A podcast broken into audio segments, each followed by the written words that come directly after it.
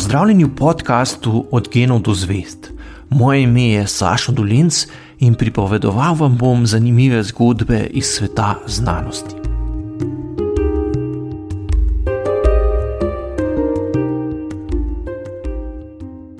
Če odgovorna oseba po hudi delovni nesreči javno pove, da je bil vzrok tragičnega dogodka človeška napaka, nas takšno pojasnilo ne sme pomiriti, ampak nas mora še bolj zaskrbeti.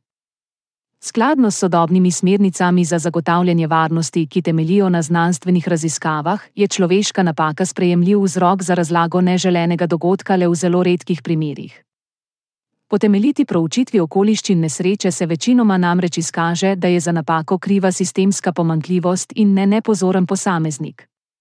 Eno prvih študij, ki je pokazala, da izraz človeška napaka ni ustrezen za pojasnjevanje vzrokov nesreč, so v ZDA izvedli že kmalo po drugi svetovni vojni.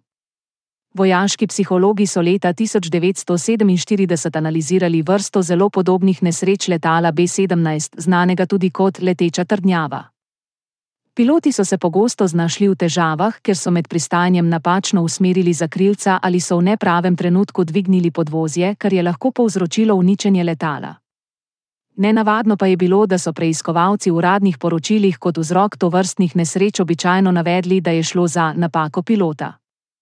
Ker so se podobne nesreče ponavljale, so poveljniki vojaškim psihologom naročili, naj problem podrobneje raziščejo in primerjajo izkušnje pilotov letal B-17 z izkušnjami pilotov drugih letal. Izkazalo se je, da so vsi vojaški piloti, ne glede na izkušnje in znanje, poročali, da so pri letenju z letali B-17 občasno napačno uporabili krmila v pilotski kabini. Raziskovalci so po proučitvi kar 460 domnevnih pilotskih napak zaključili, da vzrok težav ni nepazljivost pilotov, ampak razporeditev krmil v pilotski kabini, saj jih je mogoče zlahka med seboj zamenjati. Že v naslovu poročila so tako za pilotsko napako uporabili narekovaje, saj jim je bilo jasno, da gre za težave na ravni sistema in ne na ravni posameznika. Zgolj opozorilo pilotom naj bodo bolj pazljivi, problema ne bi rešilo.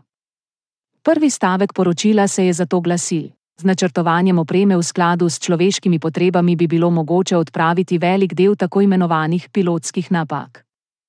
Zgodba o nesrečah letala B-17 je že pred več kot 70 leti pokazala napast, s katero se soočimo, če se zadovoljimo s pojasnilom, da je šlo pri nesreči za človeško napako.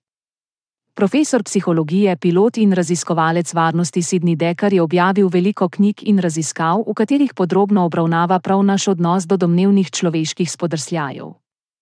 Na podlagi študij in primerov prepričljivo pokaže, da ugotovljene človeške napake ne smemo sprejeti kot končne ugotovitve preiskave, ampak jo moramo razumeti kot simptom, ki nas opozarja na potencialne globlje sistemske probleme, ki se jih ne zavedamo. Pravi, da na človeške napake lahko gledamo na več načinov. Tradicionalni pogled je znan kot teorija gnilih jabolk, po kateri bi kompleksni sistemi delovali dobro in zanesljivo, če ne bi bili v procesih udeleženi tudi ljudje, ki se obnašajo neodgovorno in zato lahko povzročajo napake in nesreče. Po klasičnem pristopu se moramo truditi, da pri zahtevnih opravilih ne sodelujejo nezanesljivi posamezniki, ki jim ni mogoče zaupati.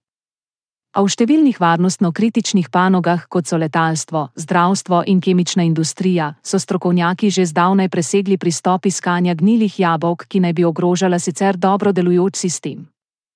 Psihološka osnova novega pogleda na človeške napake je, da velika večina ljudi v posamezni situaciji naredi tisto, kar je za nje v danem trenutku najbolj smiselno glede na njihove cilje, pozornost in znanje. Z drugimi besedami, ljudje večinoma ne prihajajo na delo, da bi ga slabo upravljali. Kadar je kdo v skušnjavi, da bi vzrok nesreče pripisal človeški napaki, naj zato najprej temeljito prouči vse dejavnike, ki so prispevali k okoliščinam, da je do napake sploh lahko prišlo. Temeljit razmislek o obravnavi varnosti v letalskem prometu je spodbudila huda nesreča dveh potniških letal marca 1977 na Kanarskih otokih.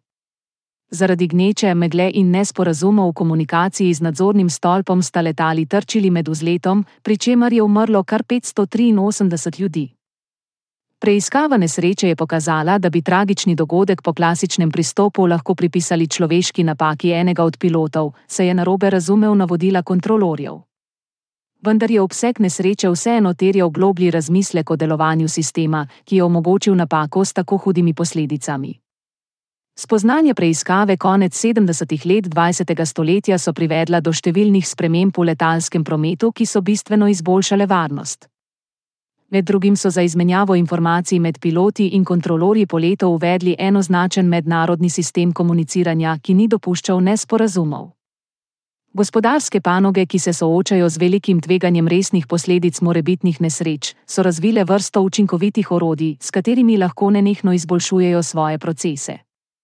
Dokaj samoumevno je postalo, da odklonov oziroma problemov nikoli ne prikrivajo, ampak jih podrobno analizirajo ter pripravijo predloge za izboljšanje delovanja sistema, da se podobne težave ne bi ponovile.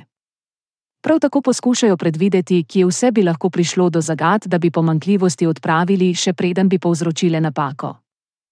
V sodobnem pristopu k varnosti se človeška napaka, zlasti v primeru večjih nesreč, ne sme sprejeti kot končna razlaga, zakaj je do neželenega dogodka prišlo.